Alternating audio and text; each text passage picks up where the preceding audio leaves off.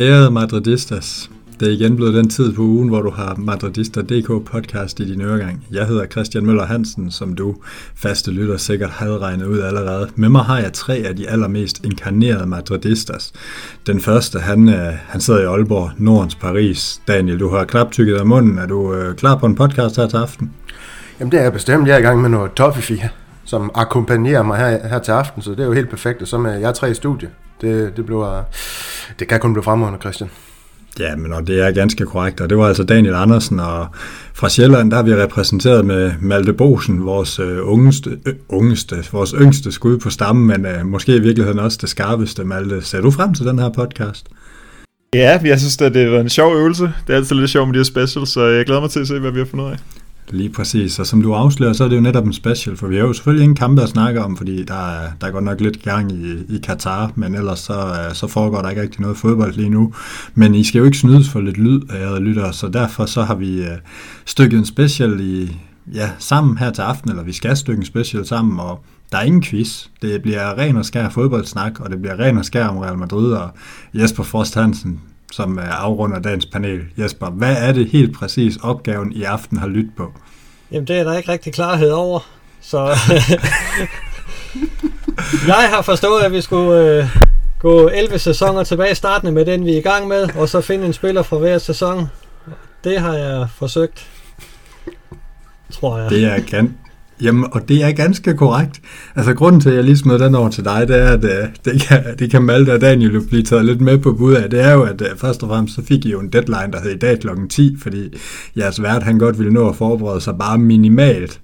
Men, øhm, jeg er ikke engang færdig med at øh, forberede mig endnu. Det kommer hen undervejs her i... Jesper, han skriver så her lidt, at uh, det bliver tidligst, uh, tidligst i aften eller eftermiddag, og, og ved halv seks tiden, der modtager jeg så et hold, og, øh, og der er jo netop det her benspænd med, at øh, man må altså maks bruge en spiller fra en sæson. Så hvis man for eksempel har Cristiano Ronaldo fra 16-17 sæson, så må man ikke bruge andre spillere i den sæson, og så tæller han med det, han leverede i den sæson. Og på den måde skal man altså stykke det bedste hold sammen. Og det næste, der sker, det er min sanden, at Jesper, han bare sender mig 11 navne stillet op i en fin formation, men uden der overhovedet er noget som helst om sæsoner. det nåede jeg ikke. Jeg havde lige tusind andre ting, jeg skulle ordne her i... Men de kom lige tre sekunder efter. Så... Og jo, 30 minutter, men øh, altså, ah, hvis det er tidsfornemmelsen, så, vi... så tror jeg, at din kone, hun er glad. Så skal vi have nogle, nogle sekundtal på her, fordi det var lige det umiddelbart efter den kom. det blev gammelt for easy. Det gider jeg, det Jeg plejer også med konen lige at have sekundtal på, fordi det, er, det er den grad vigtigt. Ja, og sådan, øh, sådan kommer man i gang med en podcast, kan man sige. Øhm, Altså, lad os, øh, lad os bare gå lige på hårdt, fordi vi skal, have, vi skal have fundet 11 spillere til vores hold, og jeg kan afsløre, at, at der, altså, er der en ting, der ikke er i det her panel, så er det enighed. Øhm, jeg kan afsløre, at jeg er den eneste, der har overblikket over alle, alles hold, men øhm, I har jo hver især sendt til mig, og jeg har også udfyldt mit eget hold, og så, så skal vi jo ligesom prøve at se, om vi nogenlunde kan snakke os frem til det. Men, øh, men vi starter altså på mål, og øh, allerede der kan jeg afsløre, at, øh, at der er ganske stor uenighed. Øh, der er selvfølgelig to, der er lidt klogere end alle andre og, øh, og er enige, og så er, der, så er der to, der har nogle andre bud. Øh, Malte, vil du præsentere din målmand? Jo, jeg har taget øh, 2021-2022 udgaven af Courtois øh, på... Øh, på Mumlersposten. Vi så alle sammen i sidste sæson, hvad han, øh, hvad han udrettede der. Øh, vi vandt øh, The Double, vi vandt også en, øh, en spansk Supercup, og han vandt som overtrofæet, og han var fuldstændig fænomenal i, i, øh, i Champions League-finalen. Og så skyldes det jo også, at øh, de andre spillere, der var rigtig, rigtig gode i sidste sæson, de har også haft andre gode sæsoner, som jeg kunne fordele dem ud på. Så jeg har taget øh, Courtois. Lige præcis, og øh, og lige om lidt, så skal vi høre jeres andres bud, men, men du er netop lidt inde på det her, Malte, og det er jo noget af det, vi kommer til at snakke meget om i aften, det her med, det har virkelig været et puslespil at, at skulle gå ind, og jeg synes da på en eller anden måde, at, at vores lyttere måske skulle gå ind og lege med den her, øh, den her måde at, at stille et hold bagefter, for det er virkelig svært det der med, altså, at, at tager man Courtois fra det her Champions League-vindende hold, jamen, så kan man altså ikke bare bruge Benzema. Altså, så skal man finde en anden god sæson for Benzema, for eksempel, hvis man vil have ham med på sit hold. Øhm, og det har været en stor del af udfordringen, og, og, og her, nu kommer allerede, øh, hvad skal man sige, et af puslespillene, fordi Daniel, han har valgt en anden Courtois. Daniel, hvad er det for en, du har valgt, og hvorfor? Jeg har, jeg har valgt en anden Courtois, øh, fordi, og det skal jeg allerede sige nu, øh, målmandspositionen, det bliver lidt det tynde øl. Øh, for mig, der skulle Courtois med på det hold her, nu når de andre muligheder, det var Navas og Casillas. Courtois, han har simpelthen været den bedste målmand for Real Madrid i, i 10'erne, og så herinde i 20'erne, øh, synes jeg. Man kan godt argumentere for Navas med de her tre Champions League-titler, men på topniveau, der har han ikke været lige så god som, øh, som Courtois. Og for mig, Malte han argumenterer fint for, at man sagtens skal finde en anden god Benzema-sæson, men man kan ikke finde en anden Ballon d'Or-sæson for Benzema. Den havde han i 2021-2022. Derfor, når vi kommer dertil, der er det også den sæson, jeg har valgt med Benzema, og så er man nødt til at sige, hvor skal man så sætte Courtois ind hen? Jeg havde lavet en, jeg nåede lige at lave en Hail Mary til dig til sidst der, fordi jeg havde taget den samme øh, sæson øh, for Casemiro og Courtois øh, 2019, øh, 2020, hvor det, øh, hvad hedder han, Courtois, han faktisk ender med at vinde sig motor, men det det bliver, det bliver 2020-2021, øh, som, øh, som jeg kommer til at gå med for Courtois øh, ja, vedkommende i den her omgang. Han har 17 øh, clean sheets, så, så vidt jeg lige ind, var inde og gik her i tæt duel med to af verdens dengang øh, bedste målmænd i Oblak til stikken. Han, han er der stadig Oblak, han har måske været nede i en lille bølgedal, men på det tidspunkt der var han rigtig, rigtig dygtig. Real Madrid lukkede kun 28 mål ind i La Liga og var to point for det spanske mesterskab. Så en af de positioner, der måske er lidt svag på et, øh, for mig, synes jeg selv. Jeg har lavet et, et rigtig, rigtig øh, kompetitivt og, og stærkt hold, men Courtois han er der, og Courtois han var også... Øh, en, en fremragende målmand i 2020-2021, selvom at, øh, han ikke var udslagsgivende i lige så høj grad i, i Champions League, som han var på Maltes hold. Dansk er korrekt, og undskyld, jeg ikke lige fik, øh, fik, havde fået rettet det til, men det er, det er helt korrekt, det har du sendt ind. Malte? Ja, men jeg kom bare lige til at tænke på, fordi det er jo, det er jo også det her med Courtois i, i, 20, eller i Daniels sæson, der, der spiller en Jonas Zidane, hvor vi spiller det her meget kedelige fodbold, altså det er meget defensivt, ikke? øh, hvor at han øh, netop i sidste sæson blev sat meget mere på prøve, fordi vi jo spillede mod så store hold, og, og virkelig, virkelig havde brug for den her målmand, så, så faktisk øh, laver han også flere... Øh, flere øh, clean sheets i den øh, sæson, som Daniel nævner. 2020-21 sæson, der laver han 17, ikke? og i La Liga, hvis nok, han laver kun 16 i sidste sæson, men det kræver bare den her, det kræver simpelthen, at man har set ham spille i hele den sæson i sidste år, fordi der ved man jo godt, at det, det var en fuldstændig sindssyg sæson for, for Courtois, men, men fodboldspillet generelt passede nok lidt bedre øh, øh, til en målmand. Altså det var bare mere solidt defensivt der i, i 2020-2021 sæsonen. Ja, så kan ja, man så, sige... Så, ja, no. Nej, hvad siger du, Daniel? Ja, men så vil jeg bare lige sige, så viser jeg også om lidt respekt, som, som var det UEFA eller var det FIFA, der gjorde i, uh, for en sæson i 2020-2021, hvor de har ned som nummer 8 i, i Goring, som verdens bedste målmand, hvor han jo absolut hørte til i, uh, i, i hvert fald top 5, uh, øh, selvom han ikke var med til at vinde Champions League. Han var med på UEFA årets hold, faktisk for 2020-2021 sæsonen, var jeg lige at kigge på Wikipedia, hvis vi kan stole på, på, på den kilde. Ja, det er ganske korrekt, og, omvendt kan man sige, at du har, du har vægtet priser ret højt på, på resten af dine positioner, men det, det kommer vi ind på senere, så, så derfor er det måske lidt spøjst, øh, at, at du har, du har kortet ham fra på den her, men, men altså, det er jo det der med, at det hele skal gå op, og, og altså, Daniel, du lavede jo det perfekte overlæg tidligere, da du kaldte uh, Courtois for åbenlyst den målmand, man skulle have med, fordi Jesper, hvem har du på mål? Jamen, jeg har taget Kaler Navas, øh, og, og det har jeg øh, af puslespilsgrunden. Fordi der er jo ingen tvivl om, at Courtois i de seneste 10 år, der er han suverænt den bedste målmand, Real Madrid har haft. Altså, der, der er slet ikke diskussion om det.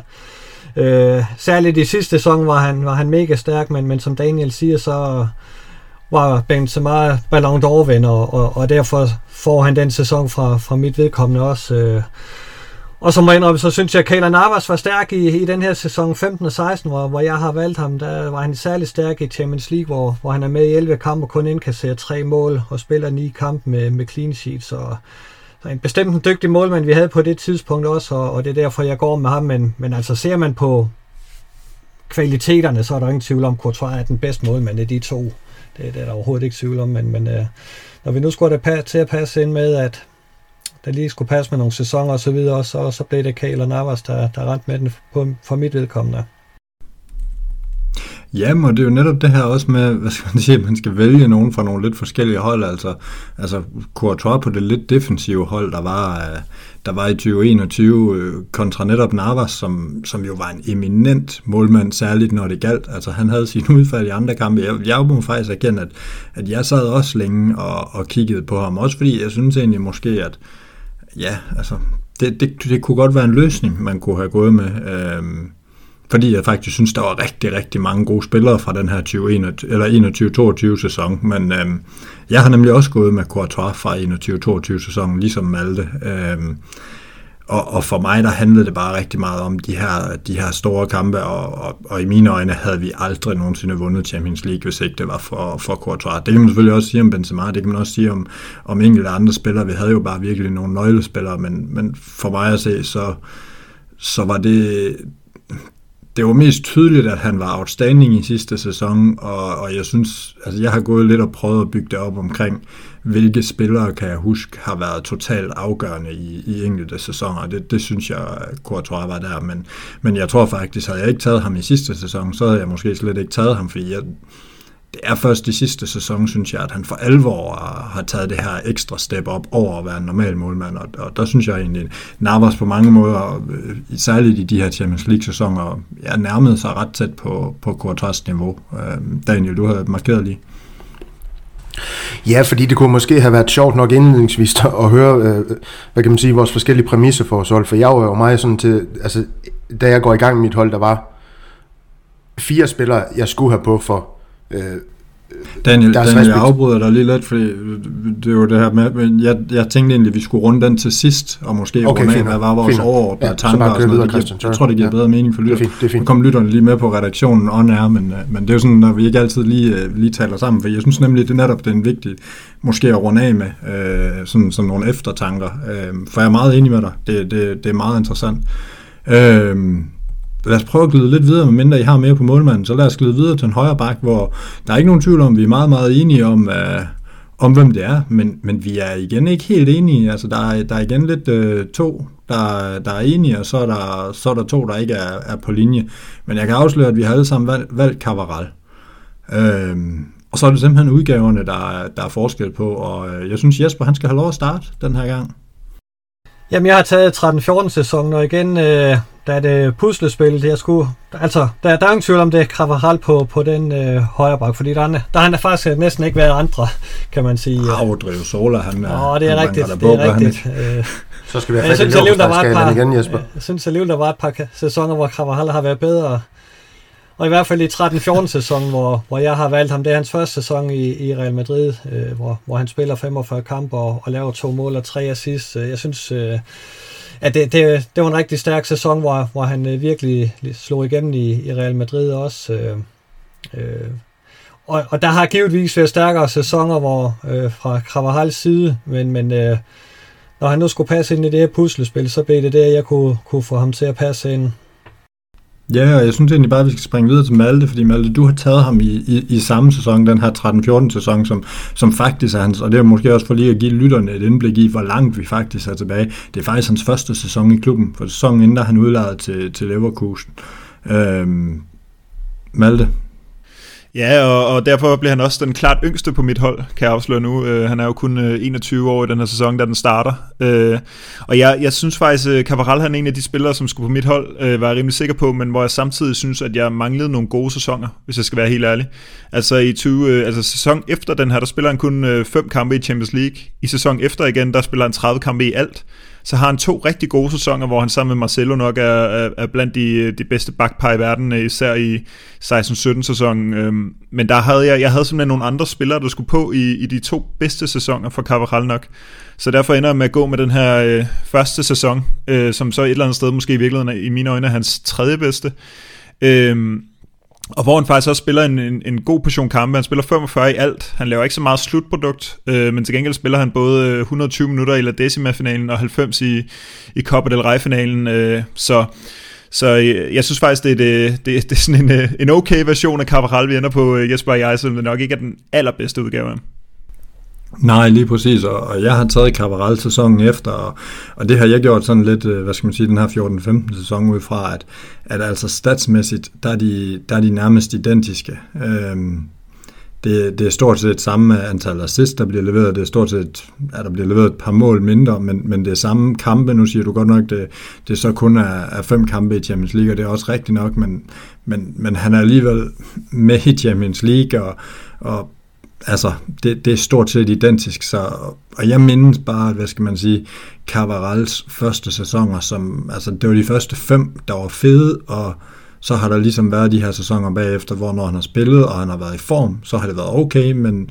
men ikke, ikke sådan helt øh, på noget tidspunkt, hvor jeg sådan har været, øh, været totalt overbevist. Og, og altså, det, er jo, det er jo sådan, jeg har valgt at det, det er Cavarals Real Madrid-karriere op, så for mig var det noget med at sige, jeg skal have en af de første fem sæsoner, og, øhm, og så blev det igen det her puslespil med at få det til at passe, og 14-15 sæsonen var for mig lidt et, et af de tidspunkter, jeg måske havde lidt svært ved sådan helt at, at, at finde frem til det Malte. Ja, fordi det du siger der, det var også det, jeg lige sådan lidt øh, mellem linjerne sagde. Det, altså Cavaral er jo slet ikke i min optik sådan værd at, og det, altså, tage med i tankerne fra 2018 og frem eller sådan noget. Det er der nok nogle, nogle flere spillere, der desværre er, selvom de var i klubben væsentligt længere. Øh, lige indtil Daniel selvfølgelig tager øh, Cabral 2022 lige om lidt med. Men, øh, men det vil jeg i hvert fald sige, og så er vi jo faktisk nede på kun en, ja, 4-5 valgmuligheder, ikke? Hvis, vi, hvis vi død og pine skal have Cabral med på det hold her. Ja, og det skal vi jo død og pine, fordi der er simpelthen ikke rigtig andre i den her periode, men øh, Daniel, vi skal ikke have Cabral fra 2018 og frem, altså nogle gange så gør I det næsten for nemt at være vært. Ja, når det er Malte, der skal lave oplæggende til mig, så, så har du jo nemt i værtsrollen, det, det skal jeg da ærligt erkende, så Nelson plejer han ikke være med mig, når jeg er, er vært, den, den, den, gode, den gode Malte, men øh, jeg har valgt at, at tage Cavaral i måske en af de værste, værste sæsoner for Real Madrids vedkommende overhovedet i den her periode, det er faktisk 18-19 sæsonen.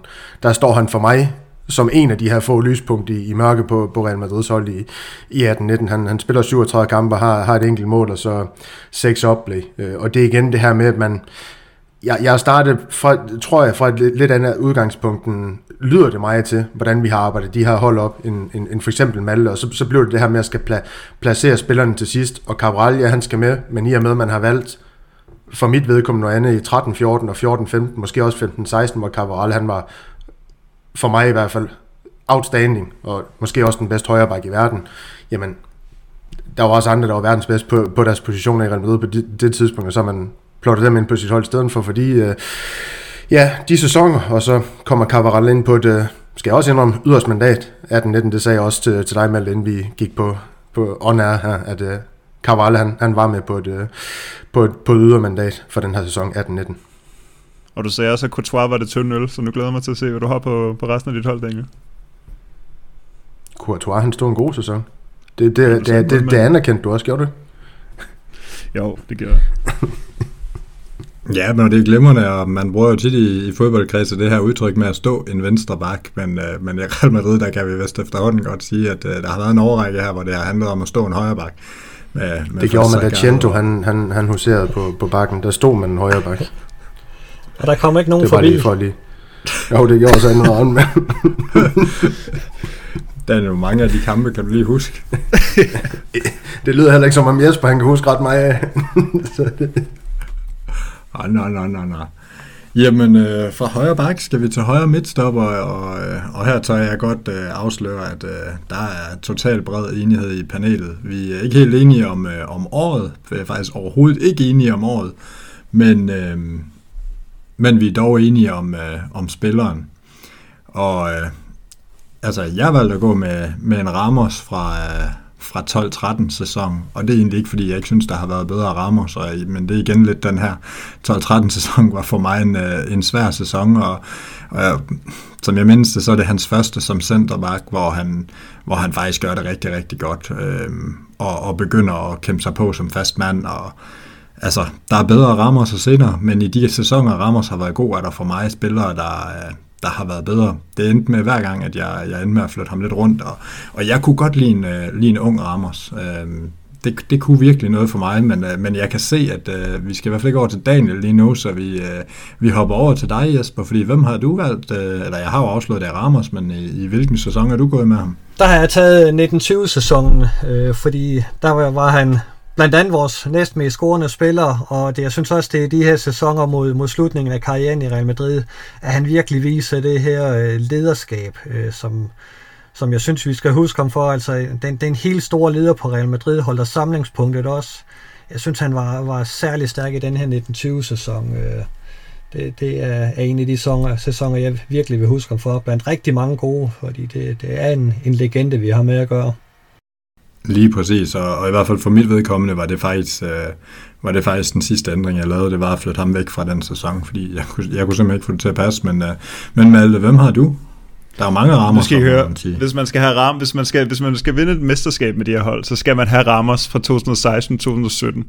Det var den her kamp, hvor, eller i den her sæson, hvor han, han spillede 44 kampe og lavede 10 mål det er den sæson, hvor han scorer de der scenemål, som man helt sikkert kan huske, man havde siddet og set, hvor at, at følelserne kom helt op i kog, altså med, med sine sene scoringer imod både Betis og, og det sene, den sene udlænding imod Barcelona på Camp Nou, tror jeg faktisk det var. Og han scorer også imod mod Deportivo, han scorer begge målene mod Malaga, han scorer imod Napoli i Champions League.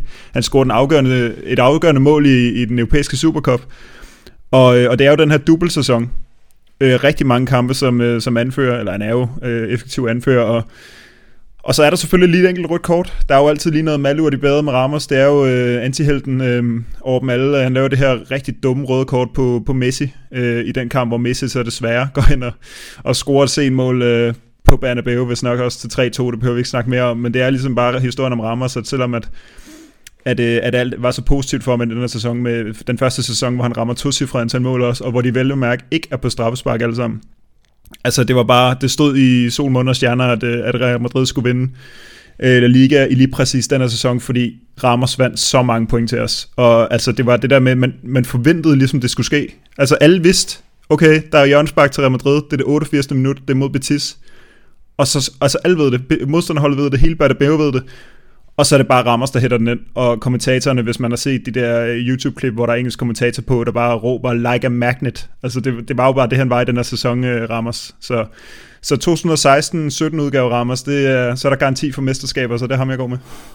Det er, jo, det er jo selvfølgelig et godt argument, og, og man må sige, nu nævner du netop det her, altså det, det fik jo simpelthen Bernabeu til at, til at omskrive en af de mere kendte sange, Somos los Reyes Europa, omskrevet øh, og, få, og få rammer skrevet ind i den, at øh, han kom til allersidst og scorede et mål, og, og, og det siger jo lidt, det er jo ikke, det er jo ikke ligefrem ret mange fodboldspillere, der i deres karriere når at få øh, skrevet en fast sang, man synger på Bernabeu i løbet af kampen. Det er der ikke super mange af om spillere og sådan noget. Der er ikke kulturen ikke helt i Madrid, så, så, så det siger jo ikke så lidt om, hvad det var for en, øh, for en spiller, og ganske fint med alle. Øh, Daniel, øh, Hvilken udgave af Ramos har du valgt?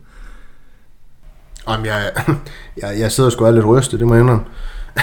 Øh, jeg, jeg, jeg har da selvfølgelig taget uh, Sergio Ramos med for hans øh, uh, 2013 og 14 sæson. Altså ingen Ramos, ingen 92-48, ingen La Decima. Ingen La Decima, ingen Champions League dominans årene efter. Han er for altid mester 92-48 synonym med La Decima. Altså han havde også semifinalerne mod, mod uh, Bayern München, hvor han scorer i returkampen to, er det ikke de to første mål, hvor efter Ronaldo han, han overtager show, hvor vi vinder 4-0 på Allianz. Andre, altså, vi vandt tre titler den sæson. Champions League, uh, Copa del Rey som, som de to største. Det var ikke fordi, han scorede så mange mål, men alligevel 7 og så 4 oplevede 51 kampe. Jeg ved det godt, at der var da også smuk, øh, den sæson, Malte han refererer til med, med, med de her sene hovedstødscoringer og sådan nogle ting her, men altså, der, der er også niveauer i det her. Og Sergio Ramos fra 2013-14 skal der, skal der naturligvis med. Ingen Sergio Ramos i den sæson. Ingen stor Champions League historie for Real Madrid i 10'erne. Og det, øh, det må man jo bare sige, det er, det er et rigtig godt, øh, det er et rigtig godt argument det her. Fordi ja, det, det, er en vigtig, det er en vigtig periode, det er et vigtigt, det er et vigtigt skridt, han starter her. Øhm, men i hvert fald bred enighed om Ramos, så er der forskellige udgaver og forskellige ting, der skal, der skal passes ind, og øhm, Ja, jeg tænker... Jeg, tænker, jeg havde ham jo til venstre i min, forsvar, i min centerbacks konstellation. Ja, det vil jeg også gerne lige slå fast. ja, venstre centerback. Fred, hvad ved det? det det, det er sådan, vi stiller det op så. Jeg tror, jeg tror faktisk, at faktisk også, det er sådan, jamen det er, det er mig, der har byttet rundt på det. det er, fordi den næste er, er også for os alle sammen øh, højre centerback, så, øh, så det er i hvert fald det, de har spillet hos, øh, hos Real Madrid. Og, og Daniel, nu sad du og rystet før, så nu synes jeg næsten, du skal have lov at, lov at starte på den her, den her højre centerback, som vi så kører nu selvfølgelig. Fordi hvem, øh, hvem har du valgt der? Jeg ved, det er en af dine personlige favoritter. Er det det? Er det ikke Niklas' personlige ja, favorit? Jeg har, jeg har hævet Pepe med ind for hans 15-16 øh, sæson. Han startede sæsonen som tredje valg efter Varane og Ramos, for det ikke skal være helt løgn, men, men endte med at spille, øh, ja, endte simpelthen med at spille den bedste sæson af, af de tre her, hvad jeg kunne sondere mig frem til. Han spillede 31 kampe, og han var især ud, udslagsgivende, det har jeg nok også, jeg ved ikke, om jeg har lagt for mig væk på det. Altså i nok i Champions League, hvor han spiller 90 minutter i alle kampe, foruden øh, den første, øh, Ja, af de to ordentligt finaler mod øh, Roma, øh, hvor han ude med en fod, fodskade. Han klokkede blandt andet også 120 minutter ind i øh, ja, den her overtids øh, igen øh, finale med konkurrence mod øh, den her gang mod Atletico Madrid ikke i ja, 2016. Øhm. Ja, jeg, jeg er egentlig glad nok for at have ham med, men, men, men jeg er egentlig også lidt overrasket, for jeg har regnet med, at det var Varane, jeg skulle have haft med, for jeg, sådan på min hvad skal man sige, personlige præferenceliste, der har jeg jo øh, Varane højere i, i Real Madrid's centerback historie end Peppe. Øhm, så jeg håber, at Niklas sidder og er lidt glad for mit, mit, mit valg derude af, af Peppe her. Men, men ja, han, han fortjener sgu også at komme med på det hold her. Øh, en, en sand kriger, og så er det igen med at finde en sæson til ham. Og, og 15-16, hvor de andre så har, har valgt nogle, nogle andre ting, hvad jeg sådan lige har kunne fornemme, der er så valgt at, at plotte øh, ja, den her hårdt arbejdende portugiser ind i ved siden af Sad Ramos. Det, de danner jo også et fremragende markedskab i al almindelighed i Real så passende. Ja, Jesper, du, øh, du er ikke rigtig på, på den kære Peppe. Du er, du er mere på lidt øh, fransk Paris og bøf. Hvis jeg dog bare kunne finde plads til Peppe, fordi jeg ville rigtig gerne have med på hold. Det var en af dem, jeg havde, havde sat ind som, som en af de første, da jeg, da jeg prøvede at lave øh, de 11, jeg kunne tænke mig at få på, men, men øh, jeg kunne ikke få puslespil til at gå op, og derfor der blev det Varane fra i 18-19 sæsonen, at, at, øh, at jeg tager ham, og, og han er kommet med som en af de sidste, og fordi der lige var plads til ham, øh, øh, så jeg, jeg skal ikke kunne sige om, jeg tror ikke engang, det, er, det måske er hans, hans stærkeste sæson, men det er vel en af de sæsoner, hvor han, han slår igennem sammen med Sergio Ramos som et, øh, øh, det sikre forsvarspar. Øh, så, så det er jo ikke ufortjent, at Varane er med, fordi han er også en, øh, en virkelig skarp forsvar i, i det her seneste årti. Så, så det, ja, jeg kan godt forsvare ham med, men, men jeg er lidt ked af, at jeg må, må udlade Peppe, fordi han er en af mine favoritter. Ja, jamen, øh, det, det, er jo, ja, det er jo sådan, det er. Malte, du, øh, du er med Daniel her. Du kører Team Daniel. Ja, men jeg, jeg skulle også have fat på Pep, og sådan lidt inde i overvejelsen her, der var det jo noget med, at jeg, jeg skulle have en, en centerback ved siden af, Øh, øh, af Ramos, og jeg, jeg tror egentlig, den stod mellem øh, Pepe og Varane for mig, også fordi at øh, de, de dygtige gutter, vi har lige nu, der, øh, de har ligesom været gode i nogle sæsoner, hvor jeg blev nødt til at finde nogle andre, så jeg gik med Pepe, og det første, jeg tænkte på, det var også ligesom Daniel, at, at jeg skulle have 2015-16 øh, sæson med, fordi det er ligesom er der, han vinder den der Champions League, han, han starter jo igen, eller spiller faktisk slet finalen i, i 2013-14, øh, og man kan jo huske det der med, at han står og græder, og er så berørt over den her 20, øh, 2016 øh, finale, fordi han ligesom føler, at han er en del af den. Men problemet med den her sæson, det er jo, at han kun spiller 21 kampe i La Liga. Altså han spiller bare ikke nok, synes jeg. Så i stedet for har jeg taget øh, 2012-13 sæsonen, som jo er Mourinho's sidste, og det hele eskalerer lidt, og der er måske ikke nogen, der rigtig har en, en god sæson, medmindre man går ind og kigger på øh, Ronaldos statistikker, som bare bomber løs i alle sæsoner. Ikke? Havde du Cavaral øhm, der også? Nej, jeg havde Cavaral i 2013-14, han spiller slet ikke i, Nå, okay, 12-13, okay, der var han jo i Leverkusen. Okay. Så jeg har Peppe fra 12-13, og og der spiller han mange kampe. Jeg er ikke sikker på, at det er den bedste sæson for ham, men, øh, men, men simpelthen Ej, de sidste tre sæsoner, han har, han har de tre sæsoner efter, altså Peppe, og der spiller han bare ikke nok. Altså det er bare ikke nok kampe. Så derfor, øh, hvis Peppe han skulle med, så, øh, så måtte jeg tage ham derfra.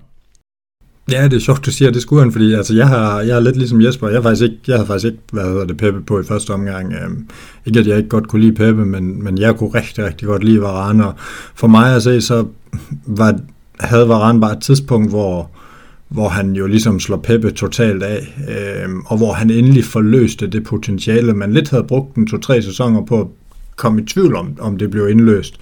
Og, og altså, jeg har taget 17-18 varerne, øh, altså, slår totalt igennem hos Real Madrid, øh, starter også Champions League-finalen, som vi jo vinder, øh, vinder også VM den her sæson, og øh, som anfører for det franske landshold, så vidt jeg husker, var han anfører der endda. Øh, i hvert fald øh, en, en meget bærende kraft i, i deres defensiv, som også sagde noget om, hvor god han var på det her tidspunkt, og, og hvad skal man sige, altså for mig cementerede han sig faktisk i den sæson som, som den måske i virkeligheden bedste forsvarsspiller i Real Madrid, så, så var der Ramos, der stadig kunne støde med frem øh, omkring målene og sådan noget, men, men defensivt var, var Varane lidt et anker i den her periode, og, og for mig var det ret klart, at det skulle være ham. Altså jeg, jeg husker ikke, at der ved siden af Ramos har været en bedre fodboldspiller, forsvarsspiller, end, øh, end Varane han var på det her tidspunkt. Og, øh, og det var lidt et kriterie for mig at, at prøve at stable, stable sammen, hvor jeg synes lidt mere, at, øh, at Peppe var, var god og aggressiv og sådan noget, men, øh,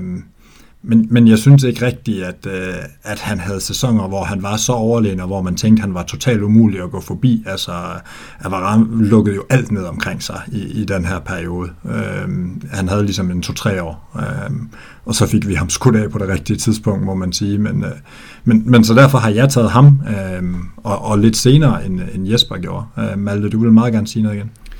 Ja, jeg, jeg, jeg bliver simpelthen nødt til at, at lige til, altså jeg tror, jeg bliver nødt til at svare på det her for Niklas skyld, simpelthen. Jeg tror, han må hive sig i hårene, når han kommer til at høre, høre, øh, høre det her, fordi det lyder som om, vi er meget uenige på, øh, på sådan øh, historikken omkring Varane og Peppe, også to Christian, og, og jeg tror, at Niklas er på min side også. Øh, fordi jeg mener jo, at Peppe, han i mange sæsoner var altså, den klart bedste rent forsvarsarbejde øh, mæssigt, altså i, i Real Madrid. Og jeg mener jo faktisk, at Varane havde utrolig svært ved at komme ind på det hold her. Og at Peppe bare blev ældre, og ældre, samtidig med Varane, han, han blev ældre og ældre og blev ved med ikke at være det her unge talent. Og man ville så gerne have, at han kunne slå Peppe af, men han kunne bare ikke. Peppe blev skadet i ny og, og, øh, og det, var, det var en vej ind for Varane, men så, så kom Peppe tilbage og spillede igen fast. Og øh, han havde en, en, en sidste sæson, hvor han næsten ikke spillede Peppe, og det var nok også fordi, at, at man ligesom vidste, at det var slut, og han skulle videre, fordi han ikke kunne få den der øh, toårige kontraktforlængelse, som man gerne ville have.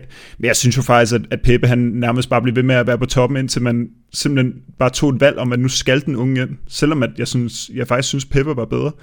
Men, øh, men det er jo bare to holdninger til, til det forsvarsmæssige der, fordi jeg synes faktisk, at Peppe, han, øh, han ligesom, de samme ord, du sætter på Varane med, at Varane nogle gange var en bedre forsvarsspiller end Rammer, så synes jeg, jeg havde den samme fornemmelse med Peppe. Jo, altså, jeg kan godt følge dig, men, men alligevel, hvis vi går sådan øh, historikken lidt igennem, og, og så tager Champions League, som jo normalt er der, hvor vi, hvor vi siger, hvem er det, der, der så i virkeligheden starter, når det gælder. Altså så i, i, i 14-15, der hedder det altså Varane i, øh, i 12. 11 kampene starter han, og så spiller han 12. I øh, 15-16, der starter han så i 6. I øh, 16-17, der starter han i 10. Og i 17-18, der starter han i 11. Altså det, det tegner jo et billede af, at, at det er ham, der har startet mest. Øh, men jeg er uenig. I den første periode, som jeg også sagde lige før, der, der synes jeg, at hvad skal man sige, der var det mere håbet. Men jeg, jeg føler, at altså sådan, som jeg husker historien, og også hvad jeg sådan har kunne, kunne tjekke op på øh, i forhold til at sætte det her hold, at der sker et, et skred i, i 16-17 deromkring på et eller andet tidspunkt. Om det lige er i starten af den sæson, i løbet af sæsonen eller sådan noget. Men der sker et skred, hvor, hvor Varane han bliver bedre, og, og jeg mindes simpelthen, at, at den her 17-18 sæson, det er, det er den bedste, vi har set fra Varane defensivt, og jeg husker ham også som værende bedre, end, end jeg husker Peppe. Men det er nok også lidt det her med, hvad man til at stil øh, i, i sit forsvar? Hvordan vil man gerne have det? Der er ikke nogen tvivl om, at, at altså, jeg, jeg er til den stil. Det er lidt det samme med målmand. Er man til uh, Navas, der er lynhurtig og, øh, og får det til at se mega godt ud, eller er man til Courtois, der, der får det nogle gange til at se nemt ud, fordi han er kæmpe stor, men så til gengæld ikke altid lige så hurtig. Øh, altså, det er jo nogle gange, at man til drenge eller er man til piger, det, det må man jo fuldstændig selv om, men, øh, men, men altså, jeg, jeg kan i hvert fald godt lide, lide Varane, og jeg synes, at, at skal han med, så skal vi, så skal vi, så skal vi herhen omkring. Øh, og ja, altså, det, det er jo en diskussion, og det, det, det tænker jeg, der er glemrende, Malte, du vil gerne sige noget igen. Nej, det, altså, vi kunne godt gå videre, men det var bare lige, fordi jeg synes, øh, fordi du sagde, at Varane han spillede alle de kampe der, nu har Daniel lige gennemgået den der 2016-sæson for Peppe, og der spiller han altså 90 minutter i alle knockout-runde i Champions League, undtagen 8. mod øh, Roma, hvor han var skadet, og så spiller han 120 minutter i finalen. Altså der spiller han, når det gælder, og, han, og det er den sidste sæson, hvor man ligesom ved, at han ikke har kontraktudløb sæson efter. Og der, dertil så, så ja, det er en stildiskussion, og det handler også om, at at Pepe jo ikke spiller lige så meget som Varane. Vi kan godt gå ind på Varane og så se en masse kampe, der spillet, men det skyldes altså også de her mange skader, som Pepe får. Men jeg tror, det her, det er, altså det er, som du siger, det er ligesom, det er to så forskellige stilarter, altså med Pepe og Varane, som så trods alt fik en eller anden form for samme rolle, fordi at Ramos ligesom var den, ham, der skulle støde op. Så de havde lidt den samme rolle, men bare fortolket på to forskellige måder, ikke? Jo, jo, og så kan man sige, der, der ligger måske også noget i, at, at hvad skal man sige, det er jo ikke tilfældigt, at begge os, der har valgt at have, have Varane med, vi vælger at have ham med i en sæson efter Peppe, han er smuttet. Øh, altså fordi jeg tror jo også, at Varane han bliver bedre af ikke at have konkurrencen. Altså, det er jo i virkeligheden lidt ligesom Benzema først for alvor blomster for Real Madrid, da, da Higuain er smuttet. Altså, nogle spillere, de, de er bare bedst, når der ikke er konkurrence. Det kan vi jo godt glemme nogle gange, når vi som sofa-fans rigtig gerne have, at der er konkurrence om pladserne. Altså, nogen er bedst, hvis de ved, at de spiller næste gang, selvom de laver en fejl. Øhm, og jeg tror, øh, alt også her, hvad der er sket i United og sådan noget, det tyder på, at Varane, han er, han er den type, der der har brug for at vide, at han har en fast plads, han har ikke cyklen til, til det andet. Øhm, men, men mega spændende diskussioner, og, og mega fedt også det her med, hvor forskelligt vi ser det. Altså, øhm, ja, der, der, der er vel ikke rigtig så meget mere at sige. Øhm, absolut, øh, absolut gode argumenter. Øhm, og, og videre til, hvis vi skal, hvis vi skal glide over i, i venstre bakken, så øh, der er jo ikke nogen tvivl. Vi, øh, vi er alle sammen enige om, at øh, om at den brasilianer. Spørgsmålet det er bare, hvilken sæson, og øh, allerede lidt tidligere i dag, i stedet om vi normalt ikke diskuterer i plenum, så øh, jeg kan ikke huske, hvem af det var. Var det dig, Daniel, der smed ud, at øh, det var hvilken af, af Marcelos øh, 3-4 gode sæsoner, man skulle vælge. Øh, og Daniel, jeg synes bare, nu har du fået lov at sidde og være, være stille lidt. Hvilken sæson har du valgt med den kære brasilianer? Ja, og det var nok de, de to andre, der skal have lov til at snakke mere om ham. Nu har jeg jo ros mig Marcelo nok til skørende på den podcast her. Øhm, for mig der er det jo 11 gode Marcelo-sæsoner, og ikke, øh, og ikke kun 4-5. Ej, det er gas. Øhm, jeg er ikke helt blå, øh, men øhm, jeg var faktisk en af dem her, jeg var i tvivl om, fordi inden jeg sender mit, øh, mit endelige valg til dig, der havde jeg ham faktisk pla- placeret på holdet for sin 16-17 sæson. Men her skulle jeg have plads til en sjov nok Ballon d'Or vinder i stedet for. Øhm, han spillede stadigvæk en pæn sæson i 14-15, hvor jeg så har valgt ham i stedet for. Øhm, selvom det ikke var på titelfrontene, men det var så kollektivt, kan man sige, at Real Madrid de, øh, de stod ud i, i den her periode. Marcelo han klokkede alligevel 10 oplever, fire mål ind på kontoen i, i 53 kampe. Jeg ved godt, at uh, statistikmæssigt, der er det heller ikke det bedste, Marcelo han har leveret, men uh, igen, der skal pa- være plads til bedre versioner af, af de spillere, jeg har, ja, jeg har andre steder på banen, og derfor kommer Marcelo ind for sin 14-15 sæson, hvor jeg egentlig også mener, han ja, var verdens bedste vensterbak. Ja, yeah, og verdens bedste vensterbak, Jesper. Hvornår, øh, hvornår skulle han på holdet hos Real Madrid? Det skulle han i 16-17 sæson, som Daniel lige har snakket om, øh, og det var også igen et, et puslespil, fordi han kunne godt have, have haft andre sæsoner også. Øh, men, men den her sæson, hvor han laver tre mål og 13 assist, der, der synes jeg, han viser noget, noget af det offensiv, vi gerne vil huske ham for, som vi, vi glemte de sidste 4-5 år, han var i klubben. Øh, men, men øh, den det bliver værd at være, synes jeg. ja. Årsmæssigt, hver gang vi snakker om Marcelo. Vi, vi skal jo udligne din begejstring for ham, øh, Daniel, så, så det bliver uh, slemt til sidst. De sidste 5-6 år i klubben, ja. der var en skandale. Nej, det er gas. Selvfølgelig er, er det kun de sidste 3-4 sæsoner, han er, er virkelig nedadgående.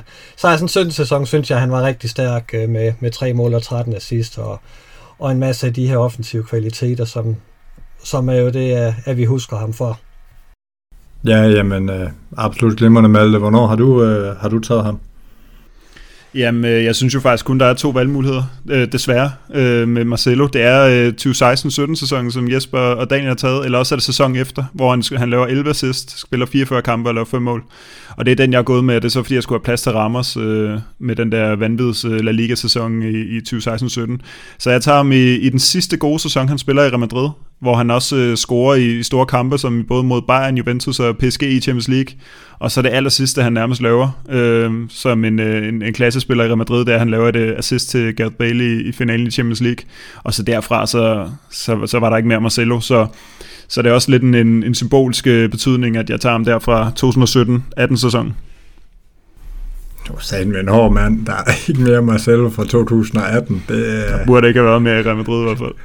Ja, det, der, der synes jeg alligevel, der, der, den, er, den må jo en stadig være lidt ude på, men, øh, men altså, jeg har taget ham fra 16-17 sæsonen, og, og, og det var også lidt, øh, altså jeg, jeg mindes for mig, at det var den sæson, han var mest afgørende for Real Madrid i. Øh, det har jeg prøvet sådan en lille, en lille smule at kigge på. Jeg ved godt, at det er så lidt selvmodsigende, at jeg har taget nogle rammer og sådan noget, men det er jo igen det her med at få det til at gå op. Men, men altså, jeg men, altså, der er jo stadig den her famøse Bayern-kamp i ekstra tid, hvor, hvor Marcelo, han, øh, jamen, han, han bliver nærmest bedre og bedre, des flere minutter, der bliver spillet øh, i den her kvartfinale, hvor vi ender med at vinde 4-2 i ekstra tid. Øh, altså, det, det var bare... Øh, det var helt vildt. Øh, og, og, og, og når jeg sådan kiggede tilbage og tjekkede highlights, så var det faktisk, øh, så er jeg i hvert fald personligt lidt overrasket over, hvor mange af de ting, jeg kan huske med Marcelo, der lige præcis var i den sæson. Øh, så derfor så blev, det, så blev det den sæson for mig, og, øh,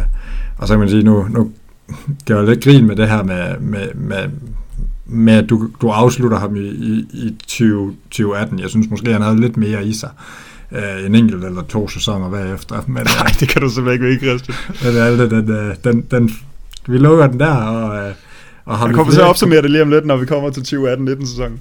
Jamen, det er fint. Ved du hvad, så, øh, så synes jeg da bare, du skal opsummere det, når vi kommer ja, til 18-19 sæsonen, fordi øh, du har valgt endnu en brasser som øh, defensiv midtbane. Ja, fordi det der er med 2018-19 sæsonen, det var den der helt frygtelige sæson, hvor intet fungerede i Real Madrid, hvor at, øh, Ronaldo var smuttet, Modric var brændt fuldstændig ud i den sæson, hvor han ligesom fik sin Ballon d'Or, og vi bliver slået 4-1 på, på Bernabeu af Ajax. Vi taber to gange til Barcelona inden for den samme uge, som vi bliver slået ud af Champions League, og taber derfor også både Copa del Rey og La Liga på gulvet. Altså virkelig en skidt sæson. Og øh, altså Jesper og Daniel har allerede fået plads til, til to spillere for den. Var det Cavaral for Daniel og og var rende for Jesper, tror jeg det var. Altså, i min optik, så er der kun tre spillere, der kunne få den i den her sæson, og derfor var der var det lynhurtigt øh, et rimeligt... øh, altså der var få, få at vælge mellem, og det var enten Vinicius, fordi at han, øh, ja, der er den, eller så var der hans seneste sæson, ikke? fordi Vinicius, Vinicius var, var det der lyspunkt, øh, indtil han så også blev skadet. Øh, så er der øh, Benzema, for hans første gode sæson, øh, sådan rigtigt efter den der virkelig skidt sæson i sæsonen for hvor han kunne lave fem mål i La, i La Liga. Han har jo været god de sidste fire. Øh, og så var der Casemiro, øh, som faktisk, øh, det er jo ikke den sæson, hvor han, han har de bedste statistikker, og han havde også en helt vanvittig sæson, øh, den, den sidste under Zidane 2020-2021, der er han også rigtig dygtig, men, men han var faktisk et lyspunkt for mig, øh, selvom at der er desværre en af de ting, man kan huske fra den sæson, det var den måde, han blev tørret noget så eftertrykkeligt af, af Dusan Tadic på, på Bernabeu, og i opløbet til, til David Nettes mål der, men, men generelt synes jeg faktisk, at Casemiro spillede en god sæson, og jeg synes, han havde en, en mangeårig streg, hvor han bare spillede den ene, altså den, sæsonen blev bare bedre og bedre faktisk. Øh, og når det så er et stykke, stykke tilbage, så med, med den logik, så, så havde han selvfølgelig nogle bedre sæsoner efterfølgende, men, men der var ikke så meget at vælge mellem i den her sæson, synes jeg. Øh, der, var, altså, der var så mange spillere, der bare fløj, eller faldt fuldstændig igennem, så, så Casemiro går jeg med til, til den centrale øh, plads på midten. Ja, jamen, øh, altså jeg kunne ikke have sagt det meget bedre selv, nu har vi lige siddet og været lidt uenige med alle, så, så den fik du ordet for herfra, og, og Daniel, du har, du har også Casemiro på holdet. Ja, selvom jeg fik skudt i skoen, jeg havde to andre spillere, jeg ved ikke om det var Cavaral og Thibaut Courtois, han fik nævnt, at jeg skulle have haft på mit hold i 2019-2020, eller hvad, hvad, hvad, hvad, hvad, var det han fik nej, nej, det var, det var 18-19 sæsonen. Men, uh, Nå, men det, det, det lød bare, som om, at han, han, han følte sig lidt ovenpå, da han begyndte at, begyndte at snakke. Men, men jo, jeg har selvfølgelig også 2019-2020 øh, udgaven af Casemiro på det hold her, fordi der skulle også være plads til vores uh, brasilianske terrier på, på den her midtbane, som jo i min optik også kun kan, kan bestå af tre spillere i den her, her, her periode i virkeligheden. Jeg tror ikke, jeg har så meget at sige til Casemiro, for jeg mener også, at han fik nævnt det, det, det om ham, at, at statsmæssigt, der, der bonger han ikke ud, men han var bare en, en, en, en stabil force på, på Real Madrids øh, midtbane i den her sæson. Han fik pakket mange store spillere ned i, i, i den her sæson, blandt andet Messi i, i flere tempi, og så går man ind og kigger på hans statistikker for sæsonen, så, så tog han også ud på ja, de her kedelige ting på huskår, de tacklinger, interceptions og sådan noget, både i La Liga, og, og han var et endnu større base i Champions League faktisk, selvom det heller ikke blev den store succeshistorie øh, for Real Madrid, men, men Casemiro, han, han kunne være sin indsats bekendt, og så kommer han på holdet for, for den bekendte indsats i, i 2019-2020 sæson. Og Jesper, du har også uh, Casemiro, også en Sagde jeg noget forkert? moderne. Nej, overhovedet ikke. Overhovedet Det er bare ikke. Malte, Det der var bare ikke den samme sæson i hvert fald. Sagde du 2020, 2021, eller? Jeg sagde 2018, 2019. Nå, okay, sorry. Ja. Jeg siger 2020, 2021. Øh, Jamen, du er også helt fra den, jo. fuldstændig. Nej, og det, men, men det, Jo. det gør jeg, fordi det er...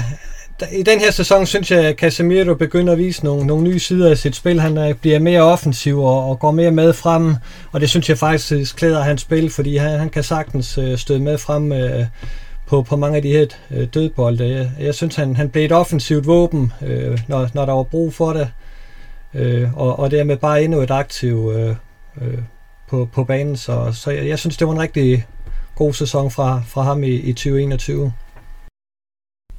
Ja, og det er, det er vel... Øh, jeg, tænk, jeg tænker, det er, det er fint til at runde ham af. Der er jo ikke så meget at, at sige, og det er jo også nogenlunde jævnbyrdige. Altså, det er jo lidt igen det her med, at, øh, at, at jeg havde det i hvert fald lidt ligesom Malte med, at det var om at finde spillere fra det her hold, der kunne, der kunne nogenlunde være det bekendt og trække det, og det, det kunne Casemiro, hvor I andre øh, måske har måske endnu stærkere Casemiro, og, og en spiller, vi også alle sammen har, det er, det er en tysk traktor. Øh, jeg tænker, vi skal lov at starte ved Jesper den her gang. Jamen, jeg har ham i 17-18 sæsonen, og, og i, igen, det kunne have været mange andre sæsoner, fordi han, han har bare været mega stærk, siden han, han kom til klubben med, med få undtagelser. Men den her sæson her spiller han øh, 43 kampe og laver 10 assists og 5 mål. Øh, og, og jeg synes bare, han er, er, er stærkt spændende i, i den her sæson. Øh, øh, altså viser sit, øh, sit store overblik og, øh, og er, en, er midtbanestyrende, så så ja, det var, det var der, hvor jeg lige kunne finde plads. Dem der kunne have andre sæsoner også, men, men, men her, der, der passer han fint ind. Ja, og, øh, og det er jo en spiller, der har mange gode sæsoner. Mange, man kunne vælge. Malte, du, du er gået med en forholdsvis ung Kroos. Ja, jeg, øh, jeg havde faktisk kun to sæsoner, jeg ligesom synes, jeg ikke kunne vælge. Og den ene var den der retselsfulde sæson, vi snakkede om før, 2018-2019. Og så øh, i sidste sæson selvfølgelig, hvor han også var lidt under niveau. Øh, så jeg synes egentlig, det var rart, at jeg kunne placere ham i en sæson, som jeg havde lidt svært ved faktisk at finde en spiller fra. Så jeg er gået med 2015-16 sæsonen, hvor han er øh, 25 år fra, fra start af. Og som Jesper siger, altså der er så mange gode sæsoner. Det er også nogle vilde statistikker faktisk, når man kigger tilbage på, på Toni Kroos. Øh, den her sæson, som jeg har valgt, 2015-2016, der, scorer en, der spiller han 44 kampe og laver 13 assist. Han scorer en enkelt gang. Øh, og vi vinder selvfølgelig Champions League, og han spiller selvfølgelig 12 ud af 13 kampe i Champions League. Han sidder kun ude i en, da vi slår Malmø 8-0. Øh, den mener man godt lige, at man kunne spare ham i med god grund. Så, øh, så ja, bare, øh, han, han, er, han, er dejlig, han er dejligt nem at placere, fordi han, øh, han bare har været så god i, i så mange år. Ja, lige præcis. Og, og Daniel, jeg tror, at vi to vi har haft det lidt på samme måde, som, øh, som Malte også siger her, men, men spiller, der har været rigtig god i mange sæsoner, og som man, man kunne vælge. Men vi har valgt ham på samme tidspunkt, og, og Daniel, det er meget nutidigt. Ja, jeg havde også øh, 15-16 med i min overvejelse, skal jeg, vil jeg lige hurtigt indskyde, men øh, jeg synes faktisk, det er absurd at skal sige, men jeg har ikke set Kroos bedre, end han er nu, så jeg har ham med for 2022-2023 sæson. Øh, jeg har egentlig ikke så meget mere til, for jeg har rost øh, Kroos, øh, Kroos utal af gange her på podcasten. Han, er, han har den her eminente flødefod, og, og, og i år der har han jo bare lagt det her, de her defensive, hvad kan man sige, jeg vil ikke sige egenskaber, det er også for mig at sige, men han, han, han fylder lidt mere defensivt, fordi han, han lægger lidt flere kræfter i det, og ja, han har bare været instrumental, han har været udslagsgivende i den her sæson, og jeg tror, når han stiller støvlerne på hylden, Gud forbyde, at det er, når den her sæson, den, den går på held, at, øhm, at 2022-2023 sæsonen, det er den, jeg kommer til at huske ham allermest for.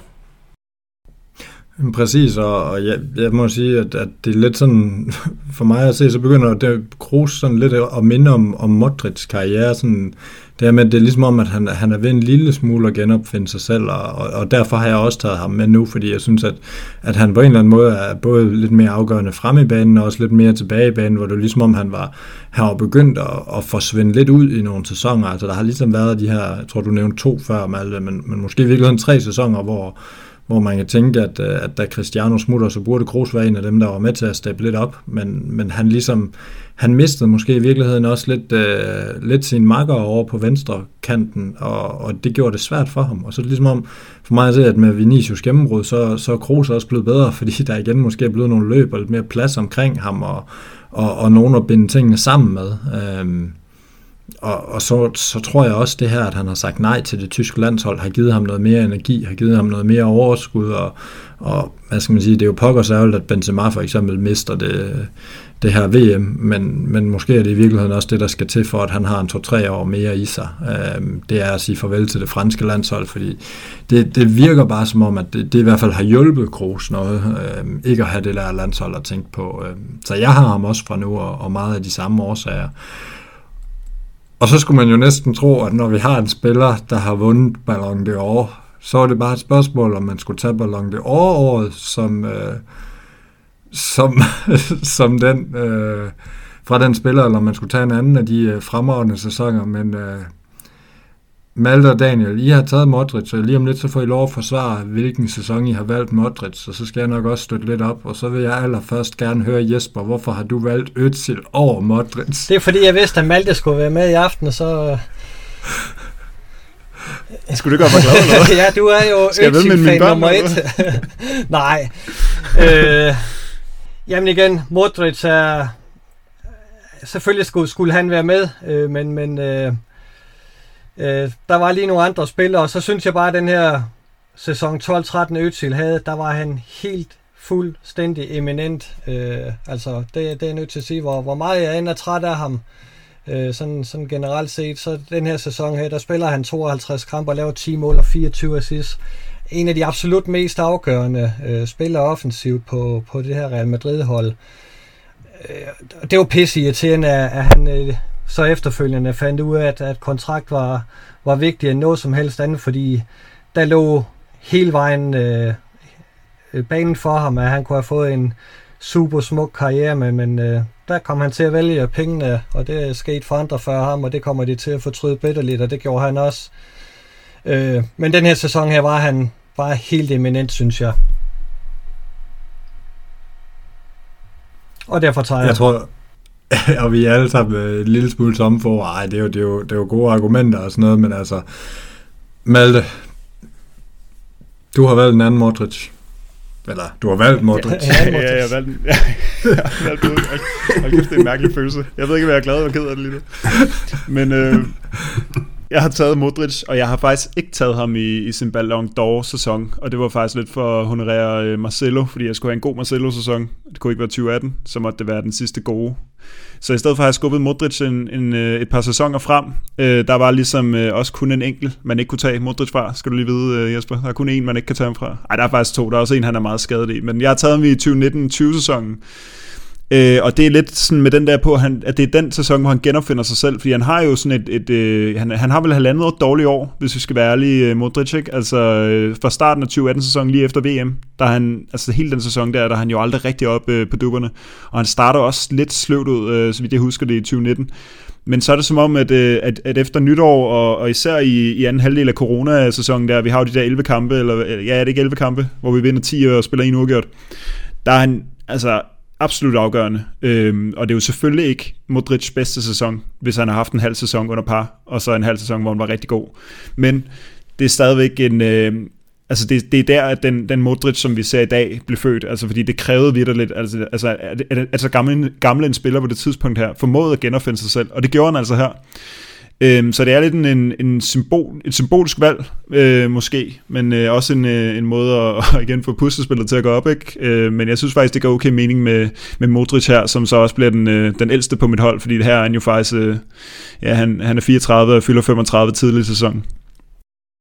Ja, jamen, øh, jeg, jeg kan kun bakke op. Jeg har valgt den samme Modric, så, øh, så ikke noget der med alt det, men, øh, men Daniel, som vi tidligere har været inde på, altså det virker som om for dig har det været vigtigt det her at få spillerne i de år, hvor de bliver kåret til de bedste. Og, og ja, i verden. Du har taget ham i Ja, selvfølgelig. Det giver da overhovedet ikke nogen mening ikke at sætte spillerne ind de, de sæsoner, hvor de bliver honoreret med Ballon d'Or. Altså, jeg, jeg kan jo ikke se andet. Og, og det var også en, en god sæson for, for Modric 17-18, kan man sige. Så ved jeg godt, nu er det, det også det her med, at han, er, han nærmest egenhændigt øh, fører Kroatien til, til VM-finalen, som de så taber til Frankrig, men han, han leverer jo også stort i, øh, i Champions League for Real Madrid og La Liga generelt. Jeg ved godt, og det er det her med statistikkerne på Modric, de, det er ikke fordi, han scorer mange mål, eller nødvendigvis laver mange assist, men, men det er jo alt det her mellem linjerne, øh, om jeg så må sige, han, han, han laver på en fodboldbane, der, der, der, der står klart i, i erindringen for en med, med de sæsoner her, og, og 17-18, der bliver han jo også... Øh, jeg mener, han blev kort til den bedste øh, midtbandspiller i Champions League også for den sæson. Øhm, og det, ja, vi vinder jo finalen, så, så det har jo nok noget, noget med det at gøre, men Modrics instrumentaler, ja, ja, ja jeg, kan, jeg kan ikke se bort fra det her med, at man, man vinder Ballon d'Or, og så ikke skal på, på, et, øhm, på det her hold for, for den sæson. Nej, jeg tænker også, det er, det er jo også ganske, et ganske glimrende argument, og måske i virkeligheden også et af dem, hvor, ja, hvad skal man sige, hvis vi skulle just, kunne justere lidt rundt, så, så er vi måske villige til at, til at give dig ret her, Daniel. Jeg ved ikke med, med Jesper, der selvfølgelig ikke engang synes, Modric skal på holdet, men, øh, men i hvert fald også andre. Hvis, jamen, øh, selvfølgelig skulle han med, men der er kun 11, hvor det skulle passe ind i et puslespil. Og, altså. der er kun 11, og han var ikke en af de bedste. Ej, okay. Modric spillede der endda på det tidspunkt, gør det ikke? Det gør han da. Nej, jo, det gjorde han vel. Kom der i 2012? Ja. Ja, ja, men, men, det var ikke nogen god sæson. Men til Jespers forsvar, altså hvis vi skal tage en midtbanespiller fra 2012, så er Özil bedre bud end, end Modric. Ja, han var ikke god i den første sæson. Det, det, må, det, må blive, det må blive dom. Og, og fra den her mindre uenighed, så skal vi faktisk til den position, hvor vi er, vi er allermest uenige.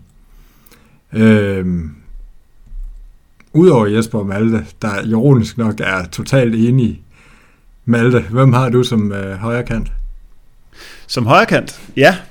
Jamen, øh, der, der er i hvert fald en, jeg ikke skulle have som højrekant, og derfor er jeg gået med en anden. Øh, ej, jeg har taget Fede Valverde fra, fra den her sæson.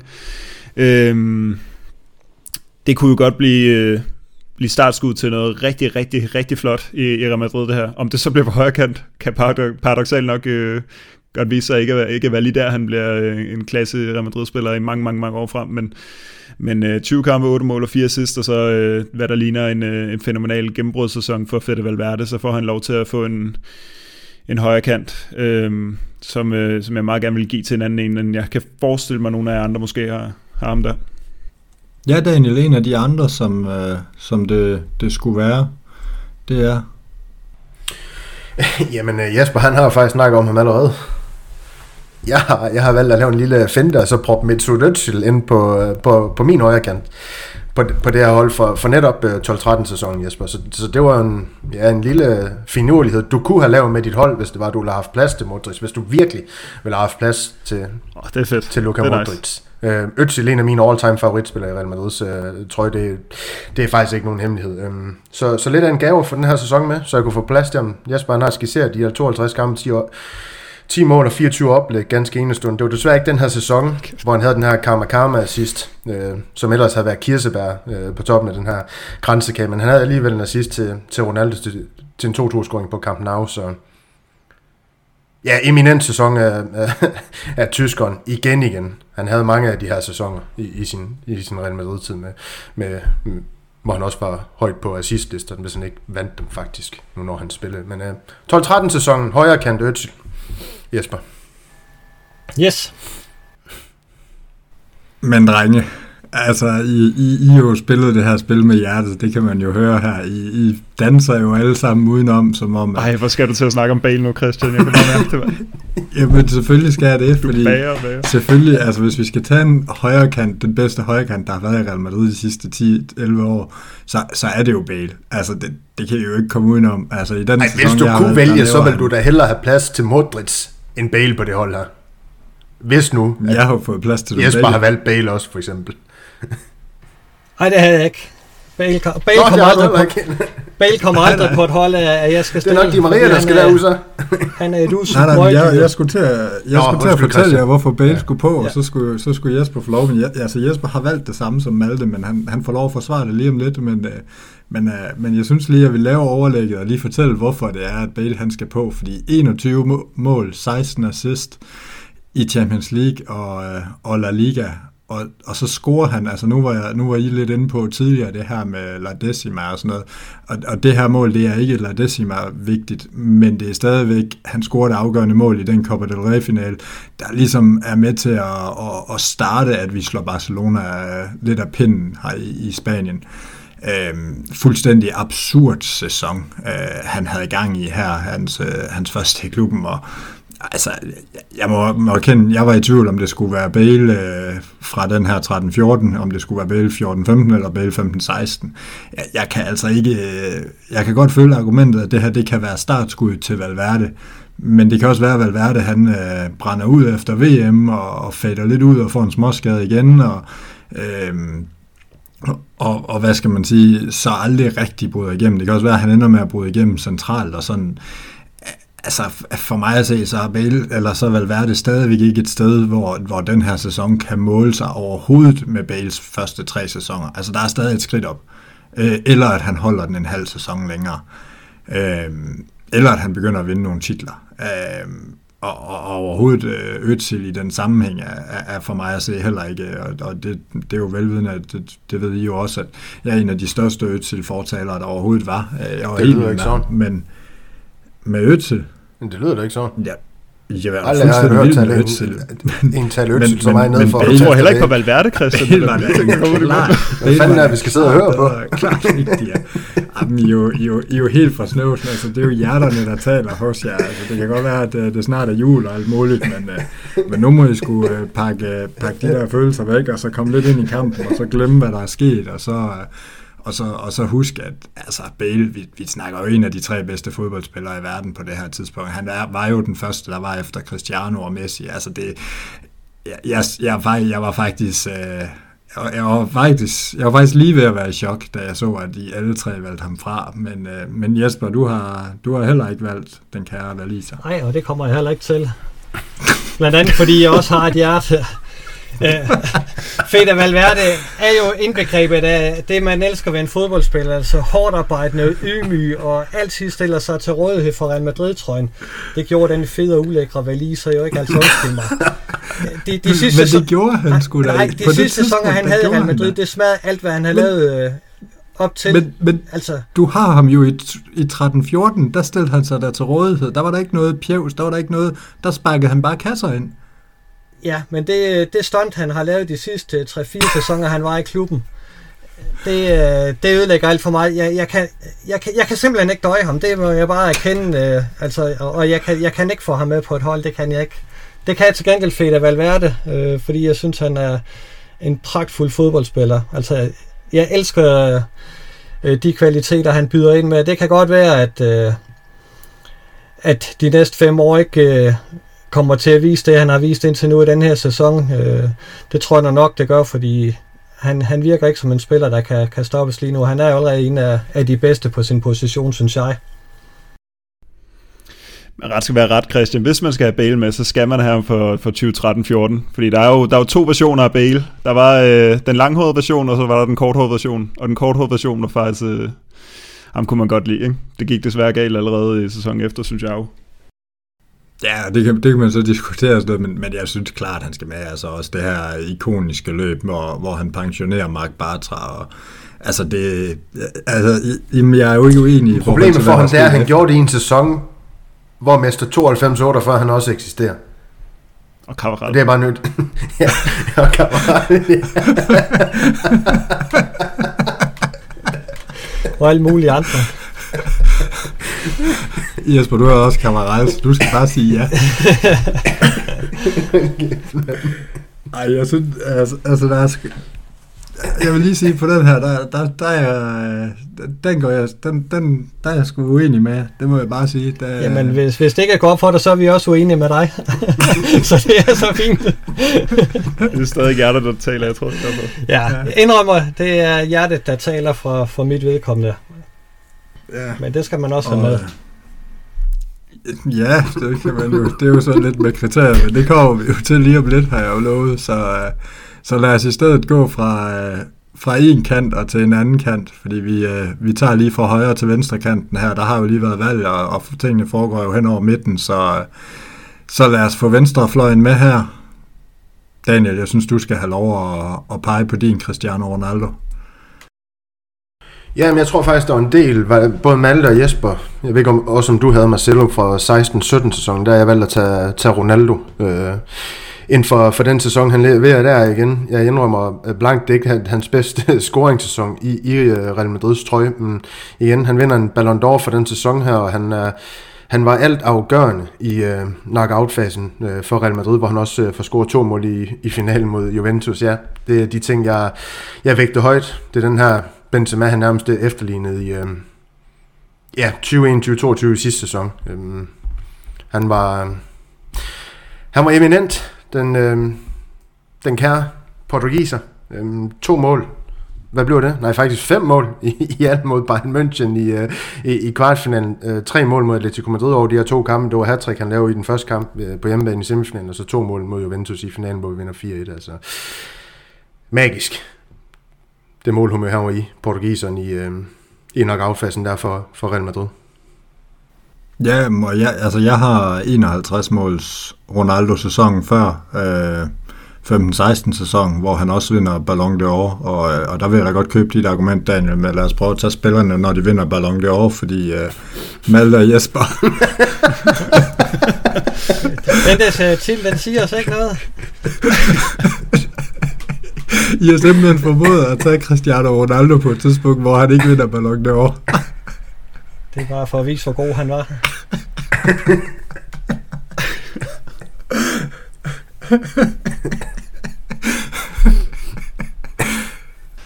Nå, men har vi taget den samme så også, eller hvad? Ja, det har jeg. ja. Jamen, jeg kan lige starte så. Jeg har taget, øh, jeg, jeg synes egentlig også, det er lidt en hån, og så har jeg tænkt lidt over det, at jeg har taget dem i 2014-2015 øh, sæsonen, fordi det er jo den her anden sæson med Carlo Ancelotti, hvor vi, øh, hvor vi ikke rigtig vinder noget stort. Altså, øhm, vi vinder, de trofæer, vi vinder, dem vinder vi ligesom, fordi vi har vundet Champions League året før. Altså, vi vinder sådan noget klub-EM og ja, så vinder vi nok en Supercup, øh, den europæiske faktisk, som Ronaldo scorer begge målene i øh, i den her sæson. Og derfor så vinder vi ikke rigtig nogen store trofæer, hvilket selvfølgelig også er grund til, at øh, Ronaldo ikke øh, får øh, Ballon d'Or, men han laver 61 mål på 54 kampe det, det er jo grotesk, og, og 23 assist, ikke? Øh, og det er jo også det her med, når man skal placere Ronaldo, og man så går ind og kigger på en statistik, at det er jo fuldstændig vanvittigt, når man har vendet sig lidt til, at, øh, at det er flot, hvis øh, Benzema kommer op på 44 mål på 46 kampe. Ja, men så prøv med over 50 hver eneste sæson, ikke? Og, og 20 assist. Øhm, så, så det er de her vilde tal. Altså, han bliver topscorer i både La Liga og i, i Champions League. Han, øh, han scorer 48 mål i La Liga i denne sæson. Det er hans top. Han laver øh, 10 mål i Champions League. Det er så nok til en topscore-titel sammen med Neymar og Messi. Øh, Ja, altså det, vi, hvis man skulle se det her hold for sig i hvert fald, så kan det godt være, at det, det ikke er en, øh, en Ballon d'Or Ronaldo, men det er en fuldstændig forrygt Ronaldo, det her. Øh, og det er i hvert fald ikke hans skyld, at vi ikke vinder, øh, vinder de her trofæer. Det er jo også den her sæson, hvor vi er, hvad, er det Juventus, vi taber til? Og er det ikke engang, det er, er det simpelthen Morata, der sender Nej, det, det, det, det kan det ikke være, vel? Jo, jo det var det sgu. Var det ikke Morata, der sendte ud over? Det var da frygteligt. Øhm, ja, men, men stadigvæk en god version af spilleren i sig selv, selvom der ikke lige var, var trofæer. Så er han sulten, ikke? Så er han sulten på mit hold i stedet for. det lader os gå med, så er han sulten. Og Jesper, har du valgt med hjertet i det der? Ja, men jeg vælger jo altid med, med hjertet, når Cristiano Ronaldo, men han er en af mine store spillere, øh, og jeg er glad for de ni sæsoner, vi, vi fik med ham. Det skal ikke blive til flere, men, men øh, den her 14-15 sæson, der synes jeg også, han er ekstremt stærk, og ja, det er da rigtigt, han vinder ikke øh, en guldbold, men, men øh, man har en fornemmelse af, at han scorer på alt, hvad han kommer frem til. Altså, det, det, er helt vildt. 61 mål og 23 assist, så har man været med i en del i, i, i sådan en sæson, og, og derfor valgte jeg ham. Men selvfølgelig kunne der sagtens have, have været fundet andre sæsoner til ham Hvor også. Hvor mange guldbolde han... vandt han i Real Madrid? Fire? Men det lykkedes jeg at finde plads til ham i en sæson, hvor han ikke vandt den. Ud af, de ni. Nå, men ja, nej, det er fint nok. Bare Jamen, han var da god i 14-15. Jamen, han var også god i den sæson. ja, det er udmærket. Ja, det er jo, men det er jo fantastisk, og det, ja, der er jo nogle gange, vi bare laver de her nedslag, når man, når man laver podcast om Real Madrid, hvor altså, det går egentlig op for en, hvor, hvor forrygt god en klub det er, og det er jo tidspunkter, som, altså, når vi udlader Zidane fra vores, øh, fra vores all-time 11, det, det er tidspunkter som det her, hvor man sidder og diskuterer, hvor mange ballon det overvinder, man vil have, og vi, vi taler jo ikke hele klubbens historie, vi taler jo bare de seneste de seneste 11 år. Altså det er jo ikke det, det er jo der det går op for en virkelig hvor hvor grotesk god den her klub den er. Øh, at vi så måske ikke altid lige har taget dem med, fordi der også er andre gode spillere og andre ting. Det siger jo også bare noget om, hvor gode både spillerne er, men også, at, at der virkelig er konkurrence, hvis man skal være med på, på et hold, og det er det jo så igen bare de sidste, de sidste 11 år. Altså, jeg, jeg synes, det understreger noget, og, og lad os runde af med en sidste Ballon d'Or overvinder, fordi vi er alle sammen enige om, at øh, den kære Karim Benzema, og vi skal jo selvfølgelig alle sammen have vores øh, klassiske øh, julebasker Karim Benzema til at køre lige om lidt. Øh, men vi er ikke helt enige om sæsonen, og men vi er meget, meget tæt på, og, og jeg synes næsten, Daniel, vi ved jo, at, øh, at du er rigtig glad for vores franskmand, og øh, jeg synes næsten, du skal lov at knytte et par ord på, øh, hvilken Benzema og, og hvilken sæson du har valgt ham. Jamen, jeg har da valgt ham i den sæson, hvor han vandt Ballon d'Or. Jamen, han, han, scorer, han spiller 46 kampe og scorer 44 mål og laver 15 oplæg. Jamen, jeg kan slet ikke forstå, at man, man, man kan have ham med øh, i andre sæsoner. Det, det må jeg bare ærligt indrømme. Hvor, jeg ved ikke, hvor mange af de her scoringer han lavede. Var det 16, han lavede Champions League? Var 12 af dem i knockout-fasen? Jamen, det giver jo ikke nogen mening. Jamen, øh, prøv, prøv nu lige at smage på det. Og så skal, så skal jeg lige om lidt høre på andre, der har valgt ham i andre sæson. Jamen, jeg, jeg synes det, jo, det er ganske horribelt. Det er sådan, han gør forkert, det er han ikke får scoret Champions League-finalen. Og det var på grund af de der mærkværdige offside-regler, der, der, der nogle gange eksisterer, hvor man ikke er helt enig. Men øh, han, han var vel offside, da han får puttet den i rosen. Det blev i hvert fald dømt på ham. Så, øh, men magisk Benzema. Også den sæson. Men nu skal jeg jo så høre Malte eller Jesper finde plads til ham i en sæson, hvor han heller ikke vandt Ballon d'Or. Så det var, det var sådan et tema. Der, der vil jeg gerne stoppe dig, fordi der vil jeg sige, der har Jesper faktisk valgt ham i den sæson, hvor han også vinder Ballon d'Or, så, Nå, øh, undskyld, så, så langt så godt. Den, øh, men, øh, Ej, men jeg, jeg, synes, jeg, jeg, synes, jeg, synes, jeg, jeg synes, han var enestående i sidste sæson, det må jeg bare sige. Og, og, øh, niveauer, igen det her med, at, at, når det er på den store scene, og det var det for Benzema her i Champions League, hvor han, hvor han det, det er så her, og det er også fair nok, hvor argumentet det går på, at øh, du, Christian, og, og du, Malte, havde, havde Courtois inden her for hans eminente spiller. Det er der, hvor man siger, jamen, uden ham, der havde Real Madrid ikke vundet, hvor, hvor mit argument, det blev jo det samme for Benzema. Uden Benzema, der havde Real Madrid heller ikke vundet Champions League. Men det bliver jo, jo altså, langt hen ad vejen netop, vil du have Benzema 21-22,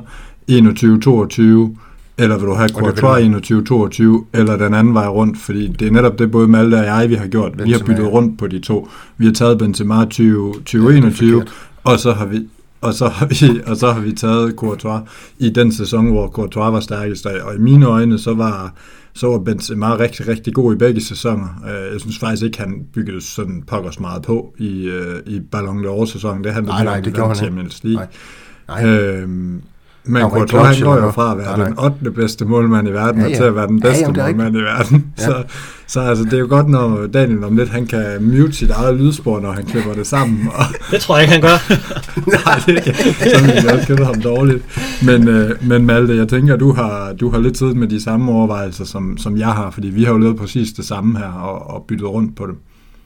Ja, altså man kan sige, øh, det er jo, øh, jeg, jeg, er jo, jeg er jo enig med begge to til, på en eller anden måde, ikke? men øh, det er jo fordi, altså vi havde nogle så dygtige spillere i sidste sæson. Man kunne også godt have taget Modric i sidste sæson, hvis man skulle have en venstre kant, hvis man ikke kunne lide? Ronaldo, Det så skulle man have Vinicius. Jeg, jeg forstår simpelthen. Nej, men Benzema var for, forrygende, men jeg synes, Benzema har været fuldstændig forrygende i, øh, i de sidste fire sæsoner. Jeg ved faktisk ikke, jo, altså det kan godt være, at han var bedre end Courtois. Jeg synes, ja, det var han selvfølgelig. Altså okay, vi snakker om verdens bedste og tredje bedste spiller, måske i sidste sæson, ikke? Øh, hvorimod at Courtois nok ikke har været verdens tredje bedste spiller i de tre foregående sæsoner for enden. Men det kunne man godt argumentere for, at Benzema var. Altså ligegyldigt hvilken udgave Benzema vi tager i de sidste fire sæsoner, så var han forrygende. Og da jeg først havde fundet mig til rette med, jamen det bliver Courtois, der får den i sidste sæson, fordi så har jeg en, øh, en centerback, der øh, vinder os mesterskabet, jeg har en Ronaldo, der scorer et, et hav af mål, og jeg har en, en Courtois, der står så godt, at intet, øh, altså ikke nogen af verdens bedste hold kan, kan, kan sende Real Madrid ud af Champions League. Øh, så derfor så øh, vælger jeg så Courtois til, til, øh, fra sidste sæson, og så tager jeg Benzema, fordi han kunne have været hvilken som helst af de tre foregående sæsoner. Øh, så han bliver 2021, 2020-2021 øh, udgaven, øh, hvor han også laver mange mål, 30 mål på 46 kampe. Og det kunne lige så godt have været øh, sæson for enden, eller, eller to sæsoner for enden, øh, fordi der har han også været, været rigtig dygtig. Jeg kan faktisk heller ikke huske, at det er her, han bliver nummer 4 i Ballon d'Or. Jeg tror, han, bliver, han kommer lige uden for, ja det må det næsten have været, ikke, efter EM øh, hvor Jorginho bliver nummer tre, hvis nok. Så, så han er trods alt også deroppe af. Øhm, så det, øh, det er mit argument. Ja, må jeg, altså jeg, jeg er jo helt på linje, og Jesper, du har også Benzema som Ballon d'Or.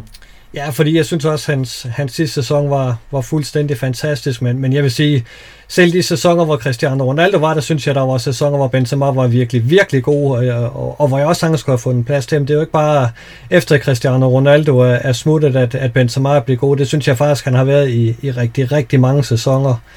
Øh, men, men sidste sæson her, den, den var bare eminent, altså 44 mål. Men, det, men det er jo, men undskyld, jeg afbryder, men det er jo blevet mere udtalt efter Ronaldo. Altså, hvor, hvor han har skulle bære, eller ja, bære hele den her byrde på sin skulder om at skulle øh, ja, både score og assistere. Altså, det er jo ham, der binder det hele. Det er ham, der afslutter Real Madrid's angreb. Det var det jo ikke i samme udstrækning, da Ronaldo han var der. Så på den måde, der synes jeg jo, i et eller andet omfang, det er en lidt anden, en, lidt anden Benzema, vi har set øh, i, i den sæson, Malte han, han så vælger, men også den, vi, vi, øh, vi giver ham her, øh, kontra, da han også var sammen med Ronaldo. Selvom han var dygtig, Jesper, det er jo ikke det, jeg, jeg anfægter, men, men igen, der er niveauer.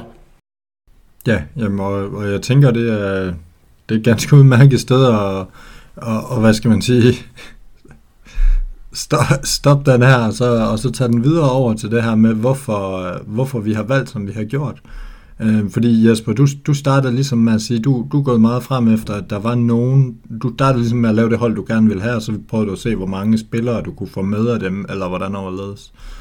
Ja, jeg havde nogen, der jeg sådan synes, øh, når, jeg, når jeg lige skulle tænke de der 11 sæsoner tilbage, så var der nogle navne, der jeg tænkte, dem må jeg da kunne finde plads til, og det viser sig, at Pepe kunne jeg slet ikke få plads til, fordi øh, der, der kunne jeg ikke lige finde en sæson, hvor, hvor han kunne passe ind. Men, men sådan i det store hele, plus minus Modric, øh, så, så synes jeg, jeg har fået, få plads til de spillere, jeg, jeg gerne vil have, have plads til. Men det, det har været mega svært, fordi der har været puslespil og, og skulle få dem til at passe ind i forhold til sæsoner. Ja, men lige præcis, og så, så var der jo så også en enkelt, du i hvert fald ikke skulle have plads til, lød det som om. Ja, det var der. Helt klart. det vidste jeg også med det samme. Hvorimod, hvorimod Daniel, det lød mere som om, at, at du havde gået frem efter igen, at der var nogle spillere, der skulle være plads til, at du så også prioriterede i rigtig, rigtig høj grad, og for de her, øh, hvad skal man sige, både priser, men også de, de lidt ikoniske øjeblikke med fra spillerne, eller, eller er det rigtigt forstået? Jamen, det er det. Altså Benzema for den sæson, jeg har nævnt øh, 20, øh, ja, hvor han vinder Ballon d'Or 2022. Det samme med Modric for 18, og, og den her Ramos-sæson. Øhm, Øh, 13-14, hvor jeg, hvor jeg havde sat jo Ramos der med, med La Decima, øh, hvor jeg mener, han var ganske udslagsgivende, eller det er ikke noget, jeg mener, det var bare fakta. Øhm, Ronaldo, han skulle jo selvfølgelig på holdet, Toni Kroos også, men jeg, jeg, jeg var faktisk sådan til at starte med, inden jeg gik i gang med den, skulle jeg have Toni Kroos ned på 6'eren, bare for at være lidt fræk, og måske i virkeligheden have taget Di Maria for hans 13-14 sæson, hvor du tog øhm, Bale, Christian, for jeg synes jo også, Di Maria, han får også scoret i Copa del Rey-finalen. Gør han ikke det til er det ikke 1-0, han får scoret til der? Ja, han har jo, han har jo blandt andet den her, øh, synes jeg, øh, vanvids. Det, det bliver så en afretning, som Bale får, får hættet ind, men han, han har jo det her, øh, det her hurtige fodskifte, hvor han får sat to øh, Atletico-spillere, og så får sparket på kassen, der blev pareret, så Bale han får, får, får sendt, den i, øh, sendt den i mål. Jeg synes, Di Maria, den her måde, Ancelotti han opfinder ham på igen, med, med udgangspunkt øh, centralt i banen, det, det, var, det var også ganske, ganske smukt. Men jeg er jo ikke dum, så, så selvfølgelig skulle de Maria ikke med øh, over nogle af de her andre spillere. Men, men det er sådan lidt øh, de tanker, jeg har haft undervejs. Øh, jeg synes ikke, jeg har gjort nogle deciderede skøre ting. Jeg har fået plads til de spillere, jeg, jeg mente øh, skulle på det hold her. Så var der den lille frække i Øtsel for mit vedkommende på højre kanten. Ikke til fordel for Modric, selvfølgelig. Og Malte, dit, øh, dit kriterie for det her? Jamen, jeg, jeg, jeg fornemmer egentlig, at mit kriterie er lidt mere, end jeg andre måske har været den der sådan med, altså prøve at få det hele til at passe på alle parametre. Altså, der har ikke været sådan, der har lige været en enkelt uh, Ramos-sæson 16-17, som jeg var sikker på at skulle med. Og så, som Daniel siger, altså vi er jo sikre på, hvilke spillere vi skal have med. Men jeg tror, jeg har tænkt sådan, øh, bundniveauet skulle være øh, højt. Altså en, en Cavaral 2018 for eksempel er ikke en, en, en god Cavaral, synes jeg. Så har jeg prioriteret at få Cavaral med for en, øh, en sæson, hvor han rent faktisk er god. Gjort det samme med Marcelo, og det har så lukket ned for nogle andre spillere, som så gudskelov er rigtig dygtige i andre sæsoner også. Men ikke de bedste versioner øhm, så, Nej, nej, det, det er faktisk nok øh, i virkeligheden kun Courtois, øh, måske i virkeligheden, og så måske Ramos, øh, kunne man argumentere for, er den absolut det er bedste gas, version. Det er gas. Jamen, det, jeg ved godt, du laver sjovt, men det er faktisk, øh, jeg synes faktisk bare, du har ret, og det, du skal også nogle gange have lidt kærlighed herfra. øh, det er ikke meget, du får. øh, fordi ja, altså Kroos har nok... Ja, Kroos er måske også op i toppen, ikke? men Casemiro så havde det lige været to sæsoner tidlig, øh, senere, og Modric havde nok også lige været nogle sæsoner for inden Ballon d'Or-sæsonen. Benzema havde 100% været sidste sæson, og, og begge backs havde også øh, haft en anden sæson, så det, det har været lidt mere et, et puslespil, tror jeg, for mig. Og så øh, skulle Bale heller ikke med. Det var også en af de første ting, jeg tænkte. Fordi øh, stat, statistisk set er han jo selvfølgelig øh, altså, svær at komme udenom. Jeg synes simpelthen også spilmæssigt, at man nu skal nok lade være at gå ind i den igen. Altså, så, han var jo bare den bedste, vi har haft. Men, men det, ja, det var han. Okay, fint. Det var bare det, jeg havde brug for at høre. Jamen, så burde han vel også være på holdet med det. Det, okay, jeg har ikke sagt på noget, på noget tidspunkt, at, øh, at det skulle være det aller, aller, aller bedste hold. Okay. Jeg synes vel, at det er fint. Okay, ja, men så lad os gå med, at den spiller var fin. Altså for mig, der har det handlet om at prøve at få så mange som muligt af de her, af de her gode spillere på. Øhm, men, men jeg kan godt lide dit kriterie, Daniel, hvis vi skal have rose lidt det her med at gå med at, øh, at prøve at ramme spillerne i de år, hvor de så også vinder priserne. Øhm, men der er måske også det her, det synes jeg lidt, der er i næsten alle store forbund, at, at, at man får næsten først priserne, når man måske i virkeligheden burde have haft den et eller to år inden. Øhm, og det synes jeg jo lidt af det, der også har været med Benzema. Altså han burde jo måske i virkeligheden have haft Ballon d'Or et eller to år inden, men der vinder man bare ikke lige Champions League, eller der har han ikke lige den politiske opbakning, eller altså sådan, øh, og derfor synes jeg stadig, at spillerne har været, har været rigtig, rigtig gode. Og så har der bare været nogle spillere, som, altså Cavaral og Marcelo, der er ikke nogen tvivl om, at de skal proppes ind i de, i de første 5-6 år. Øhm, og ja, så er der sådan noget som, ja, hvad man lidt til. Altså, hvor meget vælger man med hjertet på højre wing? Det er da heller ikke med hjertet, at jeg vælger, vælger Bale. Det er da, det er da med hjernen. Men, men altså, kriteriet var, at vi skulle stille det bedste hold over de sidste 11 sæsoner, og der mener jeg jo, at han hører til. Øhm, når vi kan få en sæson fra ham, hvor han leverer. Vi har jo ikke haft en højre kant, der har leveret i, kontinuerligt siden. Øhm, og så er det jo noget med at prøve at ramme, ramme de her. Jeg synes også, det er lidt sjovt, at vi har, har en moderne krus, både mig og Daniel. Øhm, ja, så er det jo nogle gange også, hvad man er til, som vi også snakkede om omkring centerforsvar og så videre. Så, så der, er jo, der har været virkelig mange overvejelser. Jeg, jeg troede egentlig, at vi snakkede lidt om det i går, og skrev frem og tilbage, om det her det var for simpelt. Øhm, jeg synes, det har været en mega fed snak. Jeg ved ikke, hvad, hvad I tænker, Jesper. Hvad tænker du? Jo, absolut. Og, og mega svært. Jeg, jeg håber, der er folk, øh, der, der sætter lytter på den her, de vil, øh, vil prøve at, at lave deres eget hold. Øh, og prøve at se, hvor, hvor svært det egentlig er, fordi det, det er sgu vanskeligt, når du skal have det til at passe ind i sæsoner, øh, og, og kun må have dem en gang. Det, det er ikke nemt. Men hvad, jeg tror, jeg, jeg tror ikke, sidder I og brænder ind med et eller andet her til sidst. Nej, det skal måske med, at vi kommer til at smide grafiske fremstillinger af vores øh, forskellige, eller vores respektive øh, ja, 11 her øh, startopstillinger ud på i vores ja, Facebook-gruppe madridister.dk podcast, hvor man så kan se dem, og måske, som Jesper han lader lidt op til her, lege lidt med, lave, lave sit eget eksperiment med de hold her, og så se om man kan, kan forme nogen, der er bedre end i, i hvert fald Jesper, Malte og, og Christians. Det synes jeg, det kunne være mega interessant at se.